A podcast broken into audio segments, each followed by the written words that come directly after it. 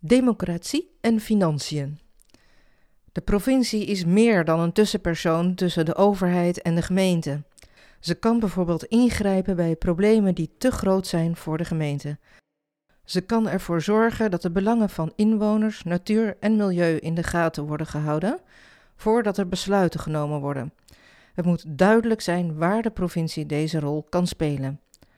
Provincie Gelderland werkt vaak samen met gemeenten en waterschappen. Tegelijk houdt de provincie ook in de gaten hoe zij hun taak uitvoeren. Dit is een dubbele rol waar duidelijke regels over moeten komen. De provincie moet vaker burgerberaden gebruiken, waarbij door loting een groep inwoners wordt samengesteld die kan meebeslissen over belangrijke onderwerpen.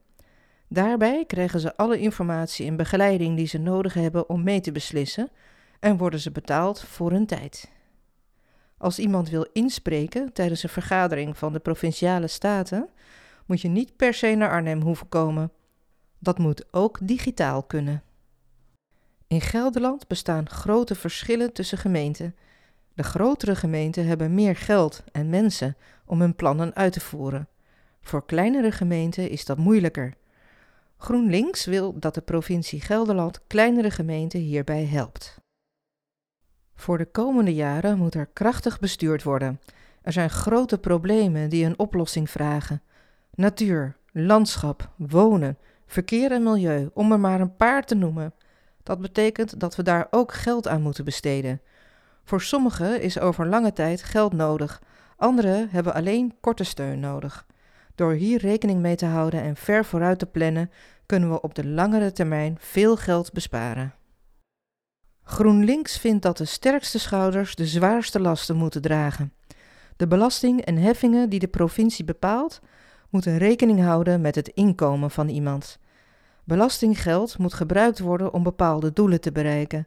Een voorbeeld is belasting op grondgebruik. Wie meer grond gebruikt, heeft meer impact op de natuur en betaalt hiervoor dus meer. Dit kan ook helpen bij andere problemen, zoals het tekort aan grondwater. Een grondwaterheffing is hier een goed idee, waar je meer betaalt als je meer gebruikt.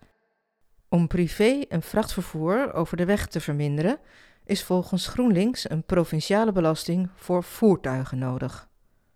Voor GroenLinks is het belangrijk dat alle provinciale belastingen eerlijk zijn en een duidelijk doel hebben. Gelderland heeft een flinke spaarpot. GroenLinks wil daarom een deel van die spaarpot gebruiken voor het opkopen van landbouwgrond, om boeren te helpen die willen stoppen met hun bedrijf of willen inkrimpen.